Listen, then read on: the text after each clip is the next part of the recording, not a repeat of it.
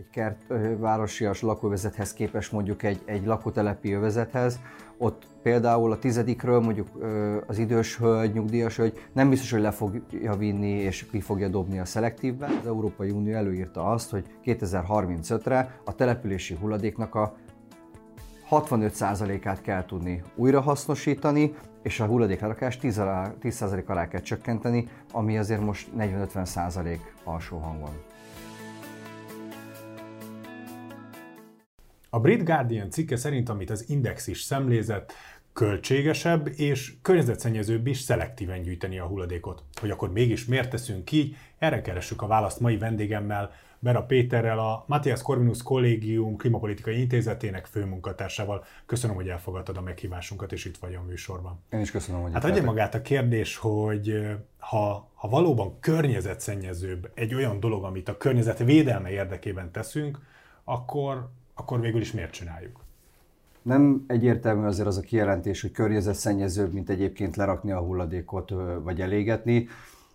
A kutatás szerint egyébként, ami megjelent, arról szól tulajdonképpen, hogy az újrahasznosítás alkalmával, amikor ezeket a bizonyos jellegű műanyagokat tisztítani kell, egy tisztítási eljáráson kell keresztülni, akkor a mosóvizet elszennyezhetik, ami aztán kikerül a környezetbe, amely alapján nano és mikroműanyagok kerülnek a környezetbe, illetve a hasznosítás során por keletkezik, ami az üzemben szállóporként jelenik meg.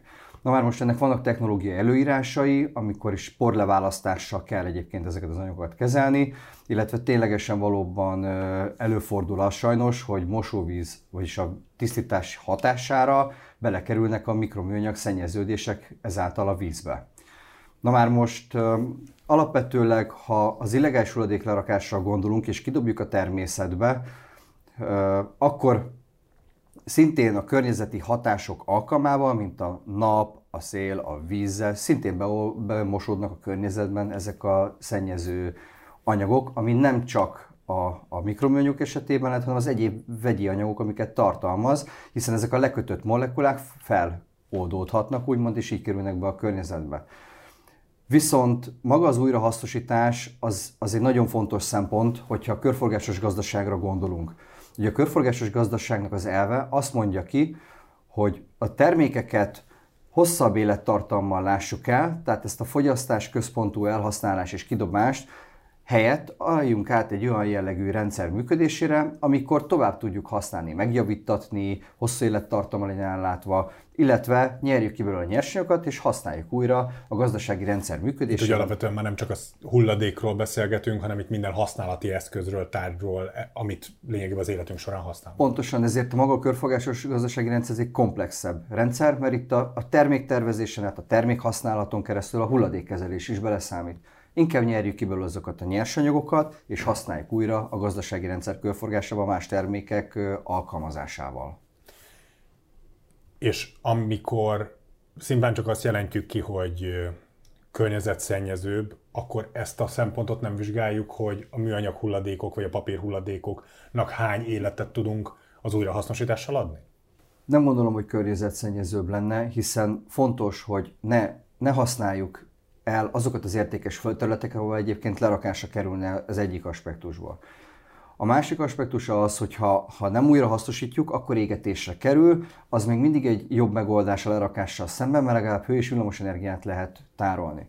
Viszont azt gondolom, hogy, hogy megfelelő legyen úgymond a körfogásos gazdasági rendszer, és fenntarthatóbb életmódra álljon át a rendszer működésre, az ilyen jellegű technológiák esetében alkalmazni kell a, a szennyezőanyagok megkötését valamilyen formában. Tehát minél több zöld beruházás kell kezdeményezni, több kutatás és fejlesztés kell allokálni arra vonatkozólag, hogy mondjuk megtisztítsák ezeket a mosóvizeket, vagy mondjuk az égetés hatására ezeket a kikerülő füstgáz tisztító rendszereket még jobban fejleszték, még jobban megkössék az anyagokat, vagy leválasztják ezt a füstgázt, és mondjuk más ipari alkalmazásra keressenek megoldást, amire föl lehet használni, és ez rengeteg kutatás és fejlesztésre van szükség a jövőben. Ezért azt gondolom, hogy ez egy megoldás lesz ahhoz, hogy fenntarthatóbb és környezetkímélőbb életmód legyen. Hol tartunk mi magyarok úgy amúgy is a szelektív hulladékgyűjtésben? Tehát, hogy mennyire járunk elől? Jók vagyunk, figyelünk már erre, megszoktuk ezt a rendszert, vagy még azért bőven van hova fejlődnünk? Van azért hova fejlődni, azért aránylag egész jó a, a begyűjtési rendszer szelektívek tekintetében. Itt nem feltétlenül az, a, az okozza a nehézséget, hogy maga a szelektív gyűjtési rendszer ki van alakítva, hanem hogy szelektíven gyűjtik el adott esetben az Ezt emberek. erre gondoltam, hogy az embereknek a tudatában Nincsenek megértő. meg még teljes mértékben az ösztönzők. Gondoljunk bele egy, egy, egy kert, városias lakóvezethez képest mondjuk egy, egy lakótelepi övezethez, ott például a tizedikről mondjuk az idős hölgy, nyugdíjas hölgy nem biztos, hogy le fogja vinni és ki fogja dobni a szelektívbe. Egyébként Magyarországon a kommunális hulladéknak a mennyisége az olyan 4 millió tonna környéke, a KS adatai szerint. A szelektív hulladékbegyűjtésnek az aránya másfél-két millió, nincs, is- nincs egész két millió, bocsánat, tehát egy, egy és másfél millió között van tonnában. Ez olyan 30 valahány százaléka a település hulladékhoz képest. Ráadásul az Európai Unió előírta azt, hogy 2035-re a települési hulladéknak a 65%-át kell tudni újrahasznosítani, és a hulladéklerakást 10 alá- 10% alá kell csökkenteni, ami azért most 40-50% alsó hangon. Hogyha már a motivációnál tartunk, akkor egy nagyon fontos változás lép életbe ugye január 1-től, ez pedig ugye a betétdíjas rendszer, amit Európa más országaiba, az Európai Unió más országaiba már, már egy jó néhány éve alkalmaznak. Ez mekkora változást hozhat a motiváció tekintetében, illetve abban, hogy utolérjük ezzel a számmal az európai elvárásokat? Azt gondolom, hogy jelentős változásokat fog ez adni ahhoz, hogy a szemléletváltás megtörténjen a lakosság körében, ugyanis a betétdíjas rendszer az arról szól, hogy a különböző csomagoló anyagokért, amiket egyébként megveszünk a boltban és elhasználunk, azért újra pénzt fogunk kapni, különböző automatákon keresztül kapunk érte vagy blokkot, valamit levásárolhatunk, ami jelenleg egyébként kormányrendelet szerint 50 forint lesz a termék, termék árában, ami lesz Tehát minden beépítve. egyes műanyag palackos víz után 50 forint betétdíja lesz egy ö, palacknak. Így van, amit aztán visszaviszünk a módba, és akkor visszakapjuk a pénzt. Nem csak a palackra igaz ez, hanem a különböző fémcsomagolási anyagokra, papírra, úgyhogy azt gondolom, hogy ez elvisz egy jelentős változtatást ahhoz, hogy, hogy fejlődjön a hulladékkezelési rendszerünk. De ettől a pillanattól kezdve, hogy ez betétdíjas lesz, onnantól kezdve nekünk ezeket nem a szelektív kukába kell bedobni, hanem ezeket nekem vissza kell vinnem egy gyűjtőpontra, és visszaadni azért, hogy visszakapjam a pénzemet? Ennek a rendszerének a kialakításáért a MOL, úgynevezett most már MOHU lesz a felelős, hiszen a koncesziós rendszer értelmében 35 évre ő fogja kezelni a lakossági hulladék kezelését többek között.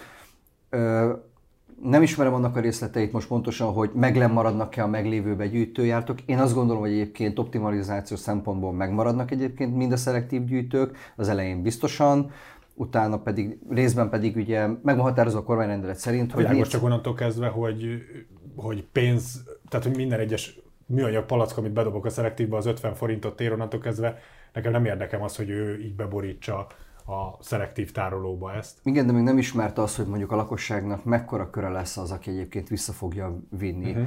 De egyébként a kormányrendelet szerint úgy van, hogy 400 négyzetméter fölötti üzlethelyiségben kell egyébként ilyen uh-huh. átvevő pontokat Kihelyezni. egyébként kialakítani, kihelyezni. Azt gondolom, hogy, hogy még egy darabig azért meg fog maradni így a rendszer működése, és amikor látják, hogy a hatékonyság, hogy működik, az elemzések azt mutatják, hogy igen, ez így jó, akkor fokozatosan ki lehet vezetni egyébként a, a, a szelektív gyűjtést. Alapvetőleg kötelezettség van arra, hogy különböző más anyagokra vonatkozólag is kell, ki kell alakítani a, a begyűjtést. Gondolok itt például az élelmiszerhulladék begyűjtésre, ami az Európai Unióban szintén 2024-től fog élesedni, hogy ki kell alakítani a tagállamoknak a élelmiszer, meg a biológiai lebomló hulladékoknak a külön gyűjtését. Ha már a biológiailag lebomló hulladék szóba került, akkor mostanában egyre több olyan hang van, akik arról beszélnek, hogy milyen komoly tartalékok rejlenek a hulladékból, van, mint energiaforrásban, hogy, hogy, me, hogy mennyit lehet nyerni a hulladékból, és hogy, me, mármint, hogy mennyit vesztegetünk el. Nyerni lehet azért, mert elveszítjük ebben a pillanatban. Ugyanígy a biohulladék újrahasznosításáról is, meg hát ugye még a szelektív hulladékoknak az energia felhasználása is, mint opció, hogy ebben a tekintetben mm, nagyjából mi az, amit bent hagyunk most éves szinten. A kommunális hulladékban rejlő biológiai lebomló hulladéknak az aránya becsléseim vannak, 30 és 50 százalék között lehet körülbelül. De ha biológiai hulladékra gondolok, nem csak a lakosságnál keletkező hulladékra gondolok, esetleg mint energiaforrás, hogyha már arról beszélünk, hanem itt a mezőgazdasági telepeken, élelmiszergyáraknál keletkező szennyvíz telepeken keletkező szennyvíz szap, állati hígtrágya, tehát azért rengeteg olyan anyag van, amit egyébként energetikai hasznosítással lehet használni. Jelenleg Magyarországon a biogáz hasznosítás azon 1% alatt van energiamix tekintetében. Az nem sok. Viszont, viszont, viszont ha meg lenne ez a megfelelő külön gyűjtés, különböző elemzéseim alapján, ez 10-15%-ig is növelhető, hogyha biogázt átalakítjuk biometánnál, ezt még konvertálni kell, ami egyébként becsatlakozható a földgáz hálózatba, vagyis az éves szintű földgáz használat 10 milliárd köbméterhez képest 10-15%-át lehetne használni energiaként. Na már most, hogyha biogázt termelünk, azt háromféle, két, bocsánat, kétféleképpen tudjuk utána használni, egy villamos energiaként, vagy pedig biometánként. Becsatlakoztathatjuk a földgázhálózatba, minden átalakítás nélkül, tulajdonképpen infrastruktúrális beruházások kellenek ahhoz. Ez hozzá tudna járulni egyébként az energiafüggetlenségünkhöz. A másik része pedig, a, a, amit említettél is, hogy a szelektív hulladékgyűjtőkben lévő hulladékok energetikai hasznosítása.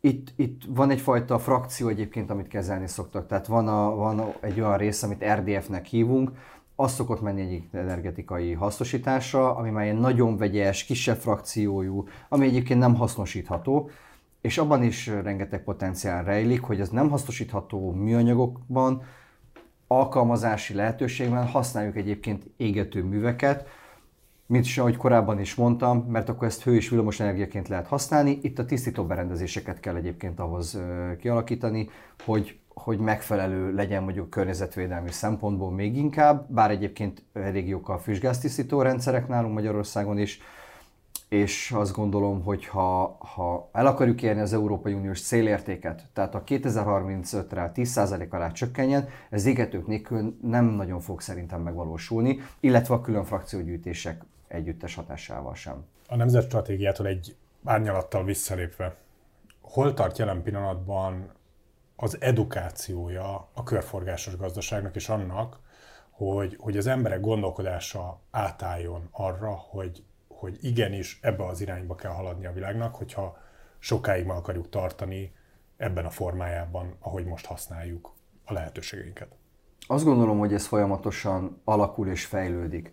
Tulajdonképpen, amikor elkezdett ugye a digitalizáció hatására egyre több információ jut el egyébként hozzánk a lakosokhoz, egyre több információt tudunk meg arról is, hogy a világ különböző pontjain mekkora mennyiségű hulladékok vannak, milyen szennyezőek, gondoljunk csak itt mondjuk az óceáni hulladékra, és ezre egyre inkább elkezdi egyébként foglalkoztatni a, az embereket, meg a lakosságot. És én is azt tapasztalom, én tartok előadásokat a Corvinuson is, és ott érzékelem, hogy ott a fiatalok, a 30-as alatti korosztály egyre inkább foglalkozik ezzel a kérdéskör, és egyre inkább nyitottabbak. Nagyon fontos, hogy a, a, az edukációs szempontokat vesző figyelembe, hogy ismerjék meg a lakosok azt, hogy milyen típusú hulladékokat hogyan kell gyűjteni, kezelni, milyen formában dobják ki a, a, a gyűjtőedényzetbe, tehát hogy ne legyen mondjuk élelmiszer hulladékkal szennyezett, mossuk ki adott esetben, ami szintén vízfelhasználás ugyan, de még mindig azt gondolom, hogy környezetkímélőbb, hogyha így kezeljük, illetve az iskolákban is egyre inkább ö, hangsúlyosabbá válik a környezetvédelem, van most már fenntarthatósági tárgy is, mi is a Klimapolitika Intézettől rendszeresen járunk iskolákban egyébként előadást tartani. Azt gondolom, hogy nyitottság megvan, és egyébként az, a betétdíjas rendszernek a bevezetése is egyfajta ösztönző rendszerként fog hatni, mert azon kívül, hogy még pénzt kapnak érte, látni fogják ezeket az automatákat, már nem fogják eldobni a környezetben adott esetben azt a PET palackot, hanem inkább fölszik, és akkor elviszik egyébként a boltba, visszagyűjtik. Tehát az ösztönző rendszer szerintem most már azért elkezdődött, és ki fog ez alakulni idővel. Milyen lehetőségei vannak azoknak a nagyvállalatoknál, akiknek hatalmas mennyiségű hulladéka termelődik? Ezzel kapcsolatban mond, említetted is, hogy ezekből is nagyon sok az, ami újrahasznosítható, energia, energiával alakítható lenne, hogy ezekre van-e valamilyen stratégia kidolgozás alatt, látszik-e valami mozgulódás, akár van erre valami európai trend, hogy, hogy van szándék annak az irányába, hogy a náluk lévő hatalmas felhamozódó hulladék kerüljön felhasználásra, újrahasznosításra? Ha az európai trendeket nézzük, elég régóta beágyazott működés az, hogy a saját hulladékaikat, ameddig az profitábilis, újra hasznosítják. Ezt többféleképpen tudják egyébként megtenni, vagy saját cégen, telephelyen belül megoldják-e saját alkalmazottal vagy külső, alkalma, külső cég bevonásával, vagy pedig megbíznak erre egy szolgáltató céget, aki egyébként ellátja ennek a feladatát. Na már most, ha elektronikai és autóiparra gondolunk, ami egyébként elég nagy műanyag hulladék termelő, mert nagyon sok olyan gyártási selejt van, ami minőségbiztosításon nem megy át, ezért kidobják egyébként a hulladékgyűjtőbe. Ilyenkor jönnek be a hulladék hasznosítók, akik elszállítják, és újra hasznosítják ezeket az anyagokat, majd másfajta termékben tudják használni értékesítés céljából, ami kicsit mondjuk szerényebb termékek alkalmazását tesz lehetővé, mert az anyag minősége folyamatosan degradálódik a hasznosítás során, viszont azt kellene egyébként elérni, hogy, hogy a gyártók vissza tudják használni, visszahasználják ezeket az anyagokat, mivel a minőségbiztosítás alapján primer, elsődleges anyagból dolgoznak, tartanak attól, hogy nem lesz ugyanolyan minőségű ez a termék, egyébként beépítik, ami egyébként nem teljesen igaz, van valóság alapja, de azt gondolom, hogy lehetne egyébként fejleszteni a rendszert ahhoz, hogy újrahasznosíthatóbb legyen. Ez egyik aspektus. A másik aspektusa pedig az, hogyha túl bonyolult a terméknek a hasznosítása, mert nagyon sok fémet tartalma, szilikonbetétet, címkét, vagy nagy Isten mondjuk olajelmúzióval van szennyezve, azt már nem éri meg hasznosítani, meg költségesebb újra hasznosítani, mint hogyha elvinnék hulladéklerakóra. És sajnos sokszor az ipar azt csinálja, hogy akkor hulladéklerakóra viszi, mert sokkal profitábilisabb. Itt azt gondolom, hogy hogy, hogy a, itt viszont beléphetne az államnak a szerepe, hogy támogassa ezeket a cégeket, hogy egyrésztről zöld technológiákat alkalmazzanak, akár a hasznosítás során, Másrésztről ö, olyan ösztönző rendszert alakítsanak ki, hogy visszahasználják a saját termékeikbe. Gondolok itt adott esetben arra, ha mondjuk bizonyos százalékban újra használják a, a saját hulladékaikat a saját termékeikben, tegyük fel mondjuk egy 80 százalékot, akkor valamilyen formában legyenek vagy indikátorai ez egy pályázati megoldáshoz, vagy pedig pénzügyileg tudjanak mondjuk valamilyen formában költséget csökkenteni adó vagy valamilyen munkavállaló szempontból. Azt gondolom, hogy ez még a jövő zenéje, mire ez a, ez a, ez a trend ki fog alakulni, de, de szerintem a vállalatok az állammal közösen kézenfogva tudják kialakulni, kialakítani ezeket az együttműködéseket. Péter, nagyon szépen köszönöm a beszélgetést, és köszönöm, hogy elfogadtad a meghívásunkat. Önöknek pedig köszönjük a megtisztelő figyelmet. Ha eddig nem tették volna, akkor iratkozzanak fel csatornáinkra, hogy ne maradjanak le tartalmainkról. Hamarosan friss műsorra várjuk Önöket. Viszontlátásra!